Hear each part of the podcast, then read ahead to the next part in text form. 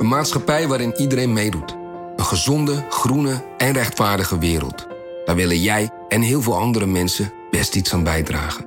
In het klein en in het groot. Dicht bij huis en ver weg. Zo hebben we vorig jaar 349 miljoen euro bij elkaar gebracht. Miljoenen waarmee onze goede doelenpartners de wereld elke dag een beetje beter kunnen maken. Nationale Postcode Loterij. Samen voor een betere wereld. Bij een juridisch conflict kun je het gevoel krijgen dat je in een rollercoaster bent beland. Je wereld staat op zijn kop en je bent de controle even helemaal kwijt. Dan is het fijn als je bent verzekerd bij ARAG. Daar werken topjuristen en advocaten die je begrijpen. Die een stap extra voor je zetten. En je het gevoel van controle teruggeven. Met kennis en informatie, met heldere uitleg en met gericht advies. ARAG, juridisch probleemoplossers. Hey, Lucas hier. Fijn dat je luistert naar Onbehaarde Apen. Wij kunnen deze podcast alleen maken dankzij onze betalende abonnees. Dus als je al abonnee bent, bedankt. Je maakt deze podcast en heel veel andere mooie journalistiek mogelijk. Maar ben je nog geen abonnee? Overweeg het dan eens. Ga naar nrc.nl slash apen en kijk naar de aanbieding. Dankjewel. Nou ja, al die uh, uh, technologieën om zonnestraling uh, te gaan beïnvloeden, het moet op zo'n enorme schaal gebeuren en er zijn zo gigantisch veel onzekerheden. Dus ja, dat we dat pad op gaan, ik, ik vind het in zekere zin beangstigend.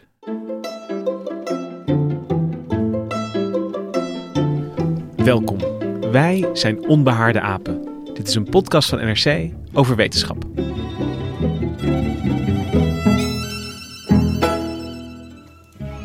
Een parasol zetten we naast onze strandstoel zodat we het niet te heet krijgen.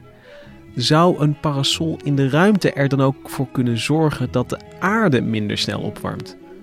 Klimaatwetenschappers zijn verdeeld of je überhaupt deze vraag zou moeten willen onderzoeken. Is een ruimteparasol een oplossing of symptoombestrijding? Mijn naam is Lucas Brouwers en vandaag zit ik in de studio met wetenschapsredacteur Laura Wismans.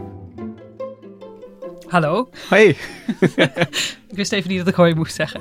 Ja, dat is nieuw sinds een half jaar. ik ben een tijdje weg geweest. ja, ik weet het. Maar fijn dat je er weer bent. Uh, jij schrijft over uh, klimaat, duurzaamheid, techniek. Uh, dus als we het over een ruimteparasol gaan hebben, dan ben jij echt de geëikte persoon om ons daar alles over te vertellen. En ik zit hier ook in de studio samen met Marcel Adebrug. Mag ik ook hallo zeggen of moet het hoi zijn? jij mag ook hallo zeggen. um, en uh, jij bent onze uh, ja, klimaatredacteur uh, eigenlijk. Dus ja. ja. alles komt hier samen. Um, Laura, ik hoorde voor het eerst over een ruimteparasol. Het klinkt ontzettend logisch. als je het te warm hebt, zet je het ook, um, zorg je ook voor schaduw met je zonnescherm of met je parasol. Kan het zo simpel zijn?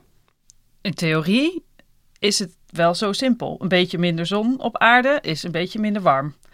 In de praktijk is het natuurlijk absoluut niet zo simpel. Ja, want kun je me even schetsen hoe dat eruit zou kunnen zien, een, een parasol in de ruimte? Waar moet ik dan aan denken? Nou, heel in het kort zou het idee nu zijn om een gigantische vloot van tienduizenden satellieten, die allemaal een eigen zonnezeil uitklappen. En allemaal, uh, ja, al die satellieten samen, die uh, houden 1 à 2 procent van de zonnestraling tegen. Dat dus zou het idee zijn. Dus uh, als ik aan een parasol denk, dan denk ik uh, nu aan een heel groot uh, doek eigenlijk, meestal thuis. Maar dit, dit is juist een, een, een beetje een, ja, een verspreid doek met allemaal kleine, kleine stukjes die samen dan toch een groot oppervlak bestrijken. Ja, ja, precies. In de geschiedenis hebben meerdere ideeën hier, hiermee hier, hier, hier over de revue gepasseerd. Sommigen hebben ook echt wel het idee gehad om het één heel grote parasol te laten zijn.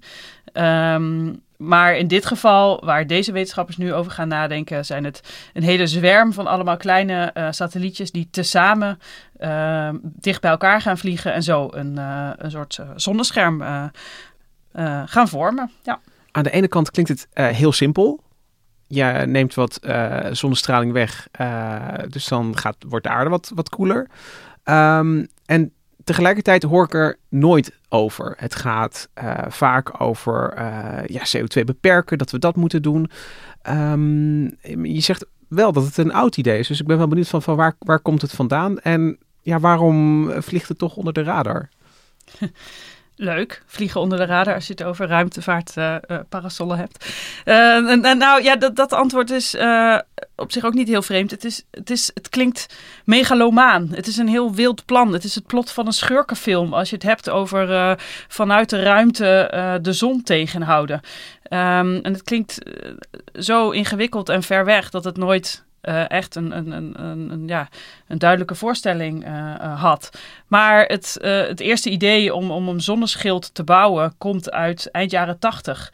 Toen was nog het idee om het met maanmateriaal te bouwen. En volgens mij was ook zeker niet het idee om het met kleine satellieten te doen. Het hele zonnezeilen bestond nog niet. Maar het idee um, is daar wel geplant. En uh, ook de allereerste uh, klimaatmodellen die, die, ja, die probeerden zonnestraling te reduceren, die deden dat eigenlijk ook op deze eenvoudige manier. Niet per se dat ze dachten, uh, we gaan een parasol in, in de ruimte bouwen, maar wel gewoon de zon wat dimmen, kijken wat er dan gebeurt met het klimaat op aarde. En dan zie je dat het een hele effectieve knop is om aan te draaien. Eigenlijk kan, kan ik me zo voorstellen. Nou, dat vind ik moeilijk uitgedrukt. Want uh, ja, als je aan die uh, knop gaat draaien, dan wordt het inderdaad koeler. Uh, maar heel effectief, als in efficiënt, dat je het precies kan doen waar je wil. Dat is niet zomaar gezegd. En ook welke gevolgen het heeft, ehm, dat is ook zeer ongewis. En waarom hebben we het er dan nu over, Laura, over dit idee?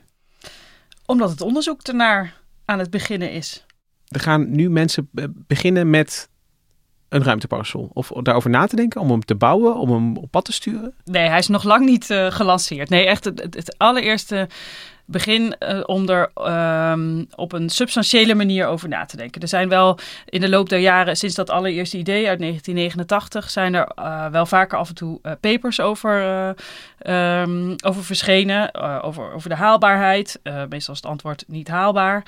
Um, maar wat ik begreep is dat uh, nu in ieder geval uh, Europa breed er voor het eerst een consortium gevormd is van verschillende universiteiten en een aantal uh, ruimtetechnologiebedrijven om heel multidisciplinair te gaan kijken uh, zouden we hier wat aan kunnen hebben? En zo ja, hoe ziet dat er dan uit? En zo ja, wat voor gevolgen heeft dit dan? Je kunt het echt wel samenvatten als een hele serieuze uh, start van het onderzoek daarna. Waar dat vroeger incidentele gebeurde, wordt dat nu uh, structureler. Ja, dat consortium komt nu elke maand bijeen, begreep ik.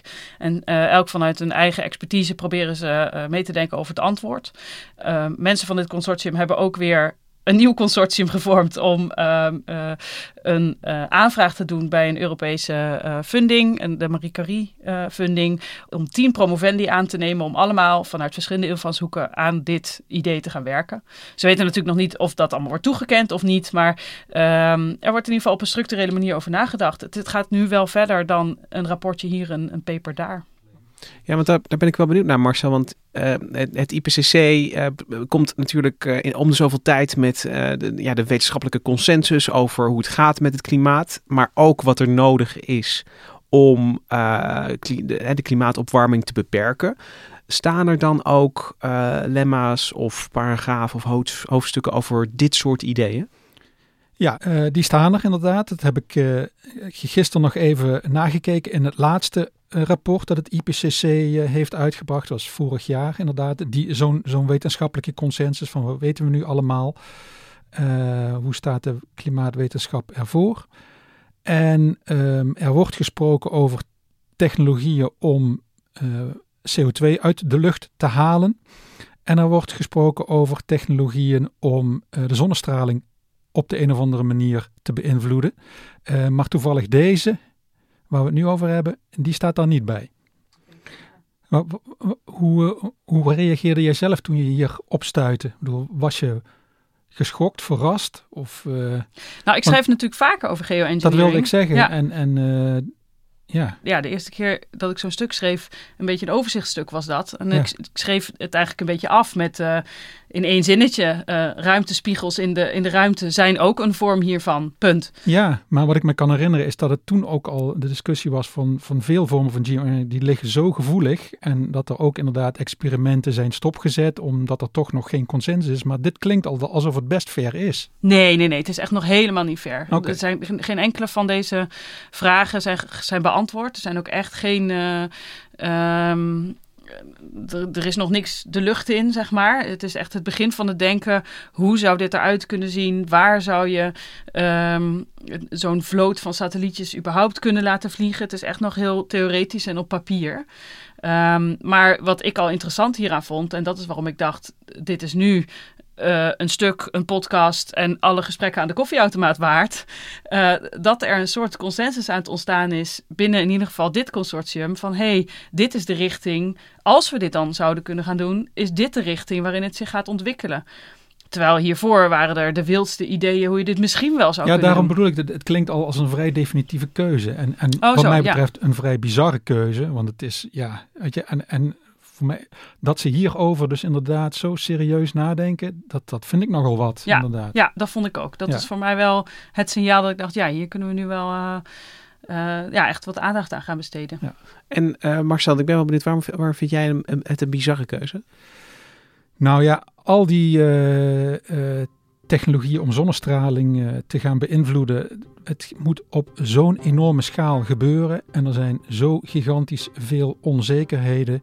Dus ja, dat we dat pad op gaan, ik, ik vind het in zekere zin beangstigend.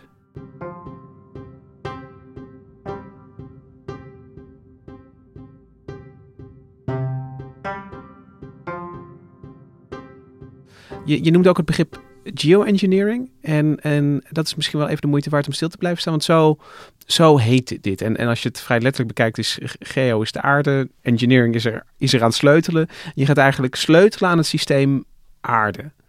Mag ik dat zo samenvatten? Ja, anderen eh, noemen het ook wel climate engineering. Ehm, de terminologie hierbij, het is een heel gevoelig onderwerp. De terminologie alleen al is best wel eh, ehm, ja, onderwerp, onderwerp van discussie. Ehm, en ook in dit geval hebben we het over het beïnvloeden van de straling van de zon. Dat is eigenlijk iets heel anders dan eh, het andere wat Marcel net wel even aanstipte. Het, de, de CO2 eh, ja, uit de lucht zuigen. Of eh, in ieder geval iets met, met de CO2 die nu al in de atmosfeer zit. Je kunt bijvoorbeeld heel veel bossen aanplanten om, om extra CO2 uit de lucht te halen. Nou, dat, daar kun je nog iets, heel veel bossen planten, daar kun je nog iets bij voelen. Maar inderdaad, Ja, dat wordt officieel ook onder de eh, geoengineering geschaard. Maar als je het over de controverse rond geoengineering hebt, heb je het meestal over eh, zonnestraling beïnvloeden. Dat is wat we, waar we het hier over hebben. Ja, dan- als je eh, een bos aanplant vergelijkt hiermee, is, is bos aanplant natuurlijk...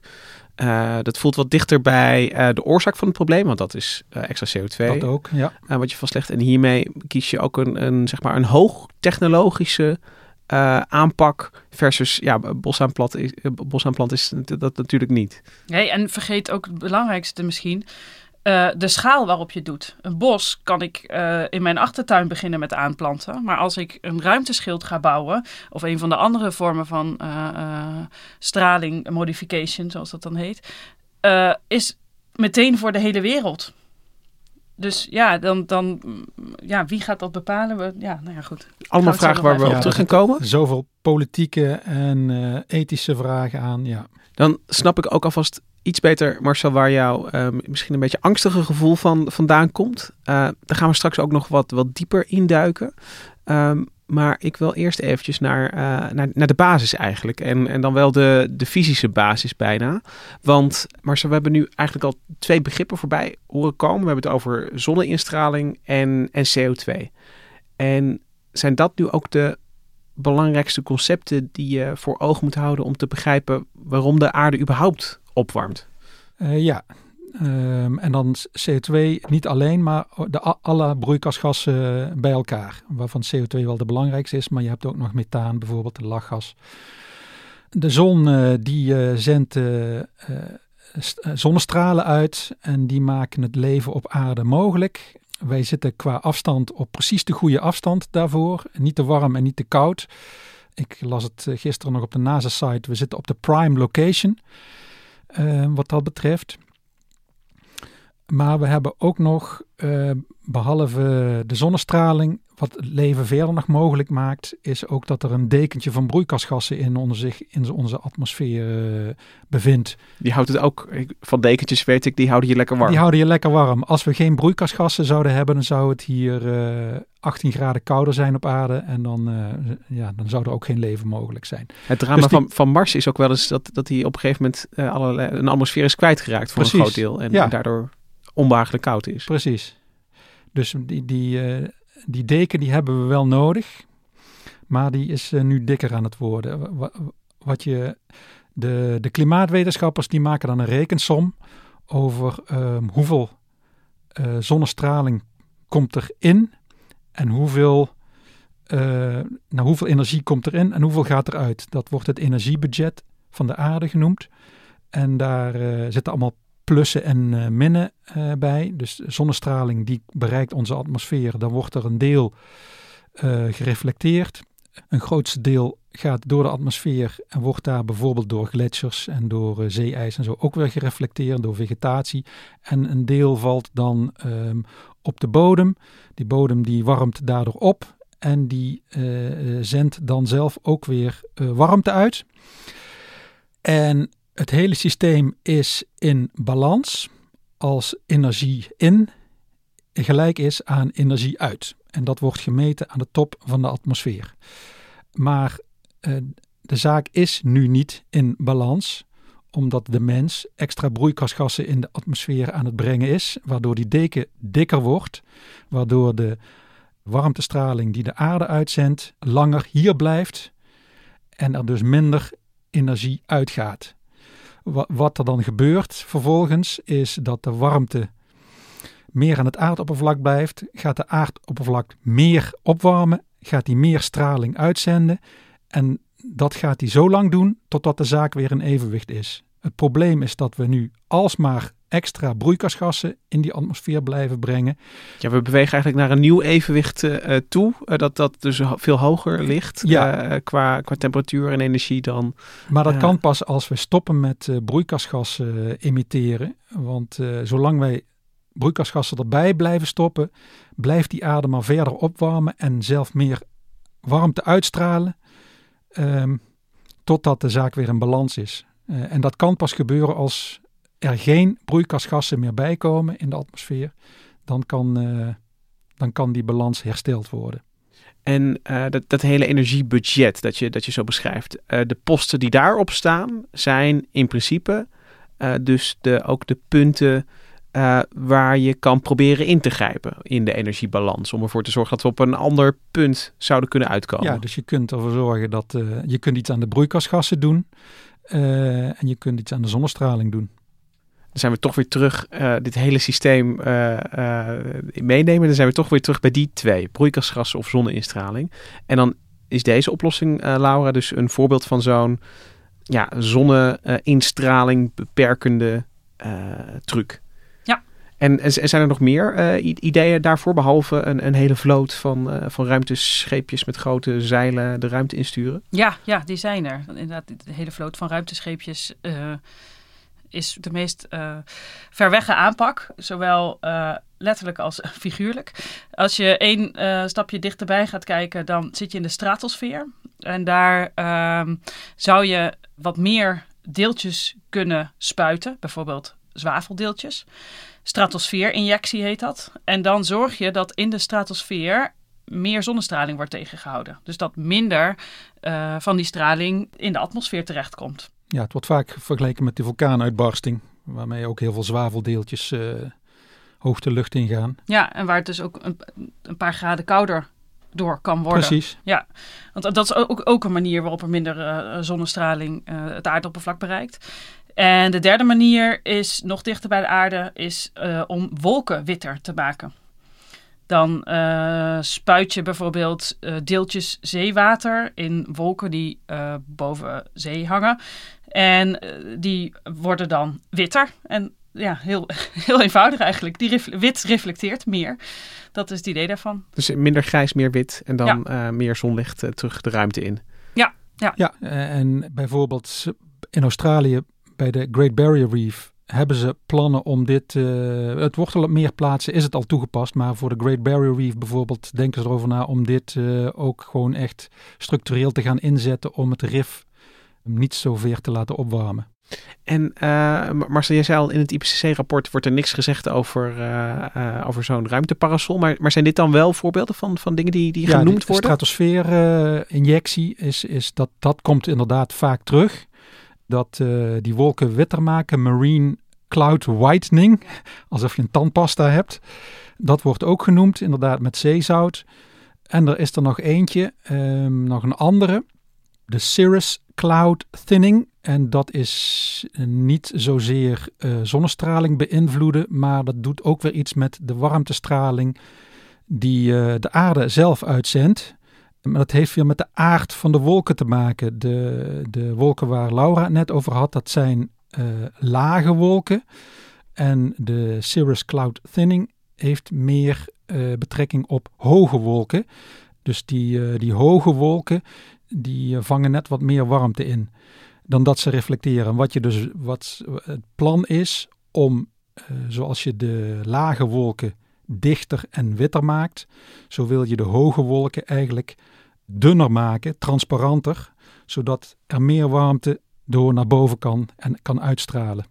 En dat deze oplossingen wel genoemd worden in het IPCC-rapport, zou je daaruit kunnen afleiden dat die wat minder uh, controversieel zijn? Of is eigenlijk alles uh, wat we hier bespreken uh, al taboe?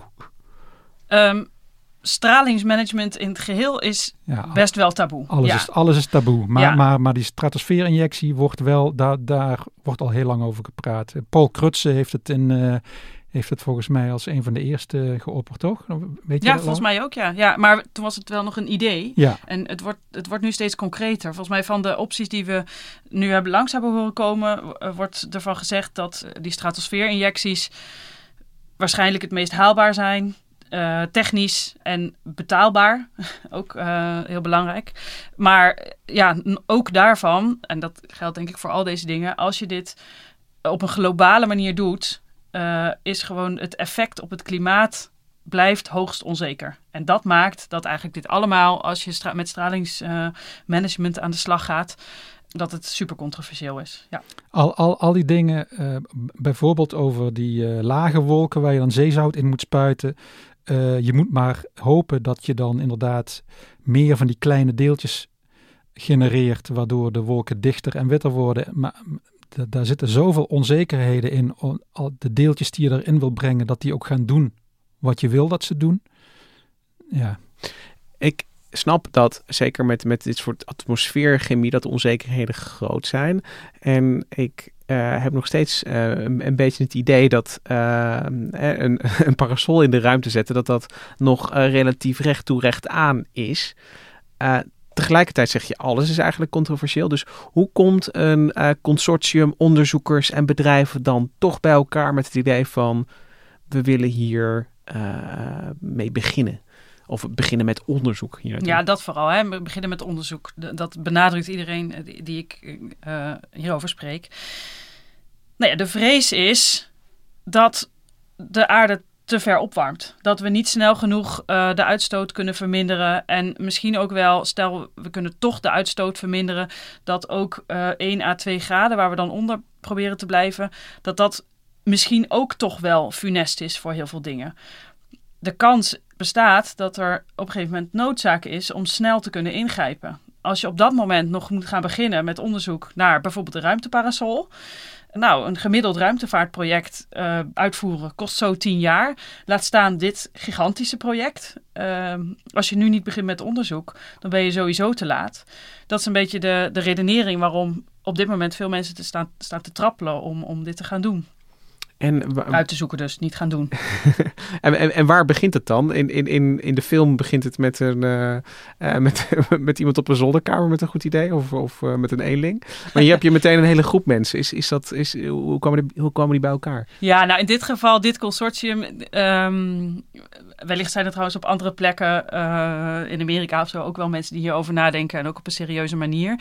Maar dit consortium waar ik nu mensen van heb gesproken, dat begon bij het Duitse ruimtevaarttechnologie technologiebedrijf OHB. Dat is uh, een van de, van de grote spelers. een, een, Nederlander die daar werkt. Daarmee kwam ik aan de praat via LinkedIn. En hij vertelde dat zij op een vrije brainstormmiddag een, een verkenning hadden gedaan hierna. Niet, ook weer niet met het idee van zullen we eens even lekker raketjes gaan verkopen.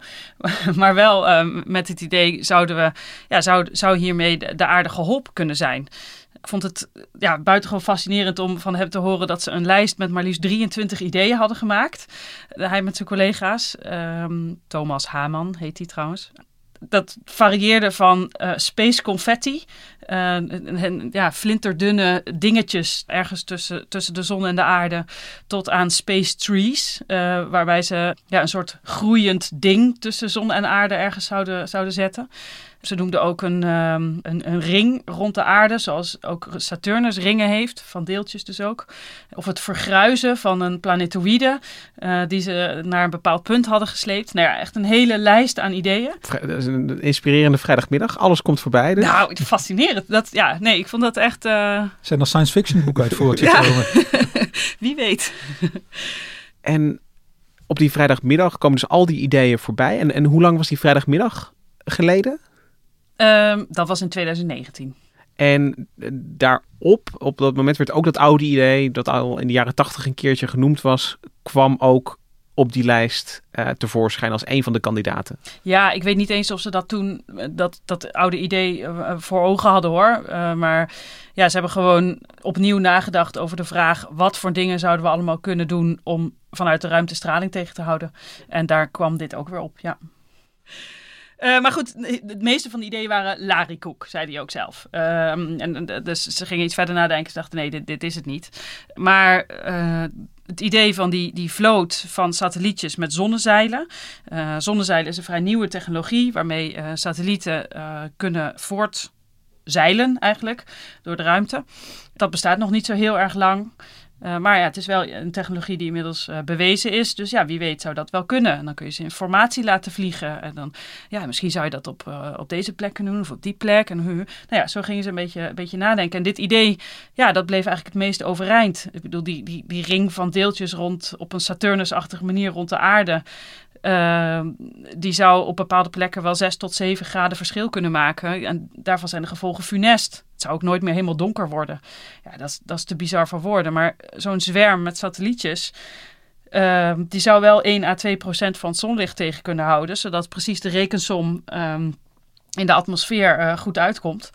Um, en die, daar zou je op aarde verder niet zo heel veel uh, van zien. En omdat je ze kunt manoeuvreren, blijven ze ook nog op de plek waar je, uh, waar je ze zou willen hebben. Ik vind dit dus, wel het moment om inderdaad even stil te staan bij, de, bij die cijfers. Dus je ja. moet 1 à 2 procent van het zonlicht tegenhouden, is het idee? Ja, ja dat kun je uitrekenen met, die, uh, met de in- en uit-energie die... Uh, en, en ook de invloed op de broeikasgassen, waar ja. Marcel het net ja. over had. En dan, dan, is het, dan ga je terug naar het ideaal van, ik noem maar wat, 1950 of zo, van om... Uh, ja, pre-industrieel. Pre-industrieel. Dus ja. in ieder geval een wereld met Elfstedentochten. Uh, vat ik het maar even samen. Ja. Maar goed, 1 of 2 procent, dat is natuurlijk al een...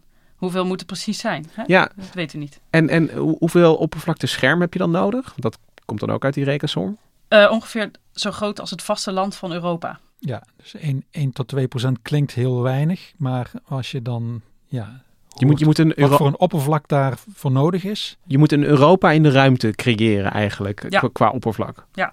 Ongelooflijk. Ja, en dat, je moet het dus ook allemaal maken. Je ja. moet het allemaal produceren. Ja, ja je het is allemaal de ruimte inbrengen. Ja, ja de, de, de vraag in dit consortium is dus zelfs ook nog...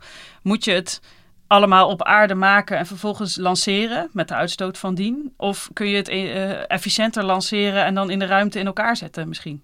Maar op, op, op dit niveau zitten de vragen dus gewoon nog. Dat we niet eens weten waar we de fabriek neer moeten zetten. Nee. Gewoon op aarde of in de ruimte. Precies, ja, daarom zei ik ook, we zijn uh, nowhere near uh, het, het, het, uitvoeren van dit ding. Het zijn echt de eerste stappen om, om het idee te vormen. Daar zijn, daar zijn ze nu. En dan is, is uh, het wel duidelijk dat de schaal hier eigenlijk de grootste uitdaging is, of niet? Of zijn er nog andere vragen? Het klimaat, uiteraard. Welke invloed gaat het precies hebben en hoe ga je dit, uh, ja, waar ga je ze laten vliegen uh, en wat doet dat precies op aarde? Maar het is toch heel simpel lijkt me. Het is toch bijna ja, jaren tachtig klimaatwetenschap dat als je zegt van uh, minder zonlicht, ehm, koudere aarde. Dus, dus wat valt er dan op dat vlak nog, eh, nog te onderzoeken? Nou, heel veel. Ehm, alleen al de vraag of je 1 à 2 procent, 1 of 2 of iets ertussenin zou willen, dat maakt al heel veel uit. Hoeveel doe je precies? Maar ook, ehm, ze hebben bijvoorbeeld een aantrekkelijk punt om zo'n zwerm te laten vliegen, is het Lagrange punt 1. Dat is een soort plek tussen zon en aarde, uh, waar zoveel um, zwaartekracht van de aarde als van de zon komt, waardoor uh, je met relatief weinig energie uh, zo'n zwerm kan laten vliegen. En het is een, een, stabiel punt. Trouwe luisteraars kunnen hem kennen van de James Webb-telescoop. Oh, is ook zo? Ja, die, die, hangt, in, die, die hangt ook in, in twee. twee. Ja. twee. ja, andere kant van de aarde. Ja. Um, maar goed, als je daar uh, zo'n zwerm neerzet, dan heeft dat een heel homogeen effect. Dus over de hele aarde heb je dan 1 à 2 procent minder zonlicht. Maar uh, de polen, die zijn relatief, hebben die meer last van de, van de warmte. Die warmen sneller op. Die warmen sneller op dan de evenaar. Dus misschien wil je wel zorgen dat er op de polen meer schaduw valt, dat het op de polen iets kouder wordt dan op de evenaar. En dan zou je kunnen denken, misschien uh, moeten we een deel van die zwerm in een baan rond de aarde brengen. Of misschien wel alles. Nou ja, dat, dat zijn allemaal vragen. En als stel je brengt een deel van die zwerm rond de aarde, dan heeft dat dus verschil in effect in het klimaat. Dan, ja, stel het wordt op de polen uh, wat meer schaduw, dan ja, dat doet, dat doet van alles met het klimaat. Maar de, de, de uitdagingen en de vragen zitten dus echt van het hele fundamentele niveau eigenlijk. Dit is, dit is eigenlijk gewoon ruimte-aardfysica als het gaat om, om uh, over zon en schaduw, tot aan hele complexe eigenlijk ontwerp en, en ingenieursachtige vragen over hoe fabriceer je zo'n massa aan zonnezeilen. Ja, hoe ja. krijg je al die spullen ook de ruimte in? Want ik weet niet, hoe groot is zo'n één zo'n satelliet plus zeil? Uh, nou, ik had toevallig net nog even opgezocht. Uh, de zonnezeilen, de, de technologie die, die bestaat nu een tijdje. Er zijn zonnezeilen van 9 vierkante meter, maar ook van 190. En um, iemand van de TU Delft, uh, Jeannette Heiligers, die ik sprak, die, die, die werkt aan zonnezeilen en die uh, werkt ook aan baanmechanica bijvoorbeeld. Zij werkt nu mee aan een, aan een NASA-satelliet uh, met een zonnezeil van 80 vierkante meter.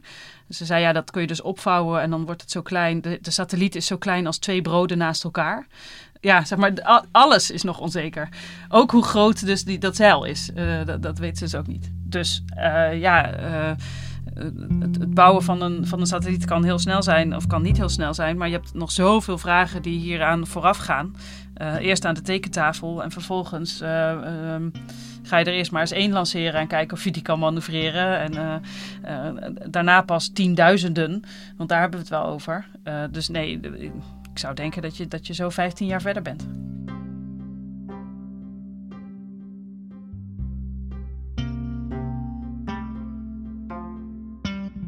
En um, je zei al van dit is niet iets voor één ruimtebedrijfje.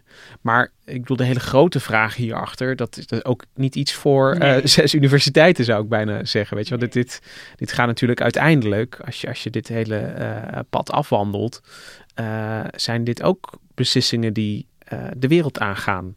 Dus zitten ze ook daar ook over nagedacht? Is er ook nog een, VN-socioloog bij betrokken die ja. uh, de internationale besluitvorming uh, in kaart gaat brengen? Of, of is, is dat iets voor later? Nou, er zitten wel ook ethici in het, uh, hierin. Uh, in, in, het consortium. Kijk, de gevolgen van op deze manier ingrijpen in het klimaat is dat niet op elke plek op aarde de effecten ervan hetzelfde zullen zijn. Dus waar je misschien zou kunnen indenken dat het uh, bij ons twee graden koeler wordt en we fijn weer elf stedentochten kunnen uh, houden, kan het op een andere plek zorgen voor heel veel stormen en overstromingen. En dat moeten we dan misschien maar op de koop toenemen. Want uh, ja, dat is wereldwijd misschien wel het beste, de beste oplossing. Maar er zijn wel degelijk mensen en landen die hier uh, ja, heel veel narigheid van gaan ondervinden. Dat is ethisch gezien natuurlijk een, een, ja, bijna onontwaarbare knoop. Dus daar wordt ook over nagedacht. Uh, ook betrokkenen bij dit consortium. Maar ik denk niet dat ze daar binnen dit clubje eruit gaan komen. Nee. Ja, er zitten zoveel vragen aan. Mag je überhaupt draaien aan uh, de thermostaat van de aarde? Um, en als er winnaars en verliezers zijn, hoe ga je dat dan uh, tegen elkaar afwegen? Ga je de verliezers compenseren? Hoe doe je dat? Um, aan, aan de andere kant, om, om eventjes er, er tegenaan te hangen. Ik, ik bedoel, uh, er zijn ook ruimtebedrijven die nu massa satellieten in, in, de, in een baan om de aarde brengen. Er zijn ook heel veel vragen over van, uh, kan dat zomaar? En, en wie gaat er eigenlijk over die ruimte om ons heen? Dus, wat zou een, uh, een ruimtemagnaat over 20 jaar, laten we hem Silon Tusk noemen, beletten om gewoon hiermee te gaan beginnen? Want de technologie op zich Um, jij zegt je wel, die zonnezeilen zijn er. Um, wat als een, een, een, ja, iemand met, uh, met, met, met aanpakdrift uh, zegt van ik ga het gewoon doen. Dan... Ja, dat kan Elon Tusk zijn, maar dat kan ook de president van een land zijn die heel veel nadelige gevolgen van de huidige opwarming ervaart. Ja, dat is, dat is zeker een risico. Mensen die heel graag onderzoek hiernaar willen doen, die zeggen ja, als we ooit op dat punt komen, dat daadwerkelijk mensen het, willen gaan gebruiken en willen gaan inzetten, uh, kosten wat kost, dan moet je met argumenten boven tafel kunnen komen. Misschien ook argumenten waaruit blijkt dat het een heel slecht idee is. Deze wetenschappers die ik nu sprak, die zijn absoluut niet ervoor om dit per se te gaan uitvoeren, maar ze willen antwoorden hebben voor het moment dat deze vraag opkomt. Tegelijkertijd zijn er mensen die hier juist helemaal lijnrecht tegenover staan. En die zeggen: stop nu met überhaupt onderzoeken van deze vraag. Want alleen al de vraag opwerpen maakt dat je, uh, dat, dat je te veel in de verleiding komt om het te gaan gebruiken. En het is eh, voor. Uh... En, dat, en dat je dan ook. Ne- dan, oh, dan hoeven we dus die, uh, die broeikasgassen ook niet echt. daar hoeven we niet echt iets aan te doen. Want we hebben dit nog altijd achter de hand. Ja, nee, dat is inderdaad een hele reële. Dat, dat ehm, landen die nu heel afhankelijk zijn van, van olie en kolen. zeggen: joh, we gaan daar nog even lekker mee door. Want over 30 jaar kunnen we toch een parasolletje opsteken. Uh, dat leidt ontzettend af van de harde keuzes en, uh, die gemaakt moeten worden in het terugdringen van de uitstoot. En, en, en dan geldt nog, dat is voor alle uh, technieken om zonnestraling te beïnvloeden dan doe je niks aan de broeikasgassen. Dus de, bijvoorbeeld, uh, wat vaak wordt gezegd, de verzuring van de oceanen, die gaat gewoon door. Dus, uh, en wat, wat nu daar al aan de hand is, dat sommige organismen die een kalkskelet vormen, die krijgen dus moeite met die verdergaande verzuring om dat kalk, kalkskelet uh, te, aan te maken. Nou, dat zijn andere effecten dan alleen temperatuur van, van die hoge concentratie aan broeikasgassen, ja. zeg je eigenlijk. Ja. ja. Ja, en dit, en dit parasolletje opsteken of ook stratosfeerinjecties, het is alleen symptoombestrijding. Je maakt het wel koeler, maar je haalt niet de oorzaak weg. Maar op een heel fundamenteel niveau zijn er echt mensen die zich nu al, voordat dit onderzoek, dit consortium eigenlijk is begonnen, goed en wel, zich hier al tegen uitspreken? Uh, er zijn niet mensen, denk ik, die zich uh, specifiek uitspreken tegen, tegen het beginnen aan, aan dit specifieke onderzoek. Uh, maar wel heel duidelijk en ferm ook tegen uh, stralingsmanagement en al het onderzoek, het experimenteren, het denken eraan alleen al. Uh, ja, dat is er. En zeker de, meest concrete waar ze zich dan tegen keren is stratosfeerinjecties, omdat die ook qua, um, qua ontwikkeling al het verst is. Um, vorige week is er een, zelfs een, een hele grote petitie gelanceerd een non-use agreement hebben ze het genoemd. Nu is het nog een, een petitie, maar uiteindelijk is het de oproep om ook, uh, ook aan, aan, aan beleidsmakers om stelling te kiezen. Stelling te nemen, uh, om een kant te kiezen. Wil je dit verder gaan ontwikkelen ehm, met alle gevaren van dien? Of wil je dat dit stopt en gaan we ons richten op waar het echt, waar het echt om gaat? want ja, ook al doe je er nu alleen nog maar onderzoek naar en willen we alleen maar kennis vergroten, als die kennis er eenmaal is, is de geest uit de fles en gaat Silon Tusk er misschien wel mee aan de slag of, uh, of andere uh, instanties. Of misschien wordt de technologie dan wel gemilitariseerd. Hè? Dat, dat een land bijvoorbeeld uh, deze technologie gaat inzetten om bepaalde gebieden in, weet ik wat, in de schaduw te zetten. Of, ja, wie ja. weet. Het is, gewoon, het is voer voor hele politieke instabiliteit. Ja, eigenlijk wil je, wil je dat hier de hele wereld gezamenlijk naar kijkt, maar daar is nog geen enkel teken van.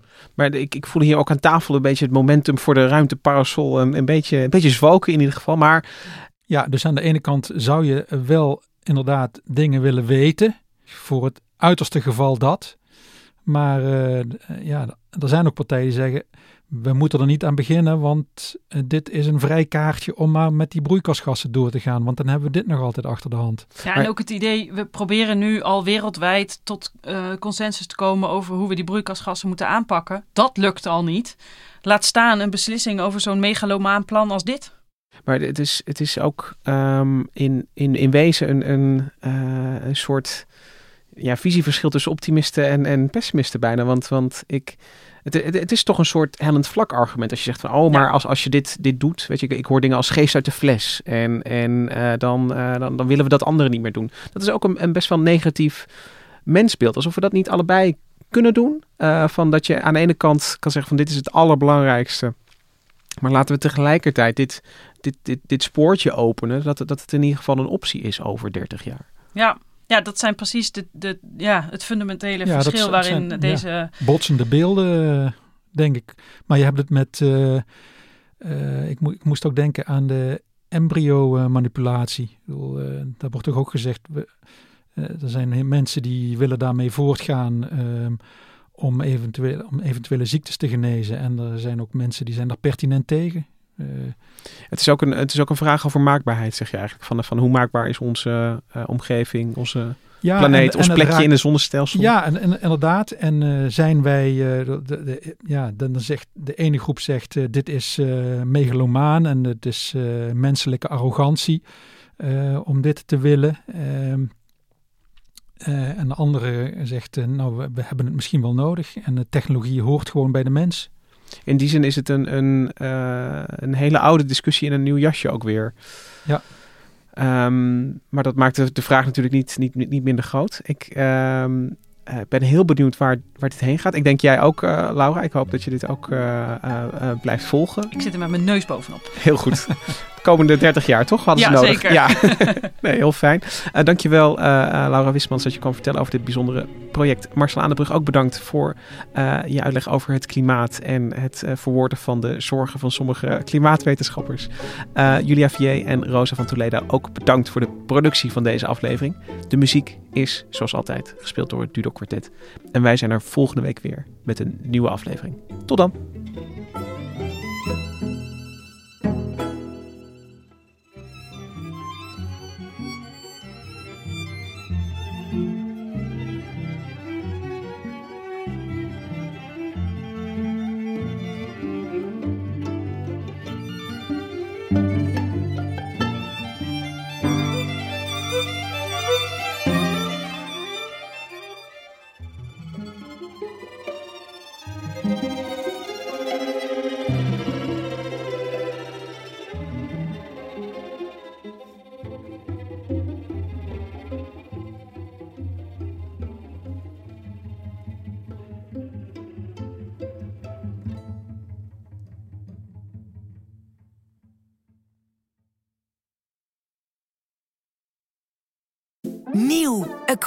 Red Peach Zero Sugar. Met zijn heerlijke frisse persiksmaak zonder suiker draagt Aquarius bij tot jouw dagelijkse hydratatie en helpt zo mee om je vochtbalans op peil te houden tijdens alledaagse actieve momenten. Thuis, op het werk of onderweg. Ook verkrijgbaar in smaken lemon en orange. Probeer hem nu.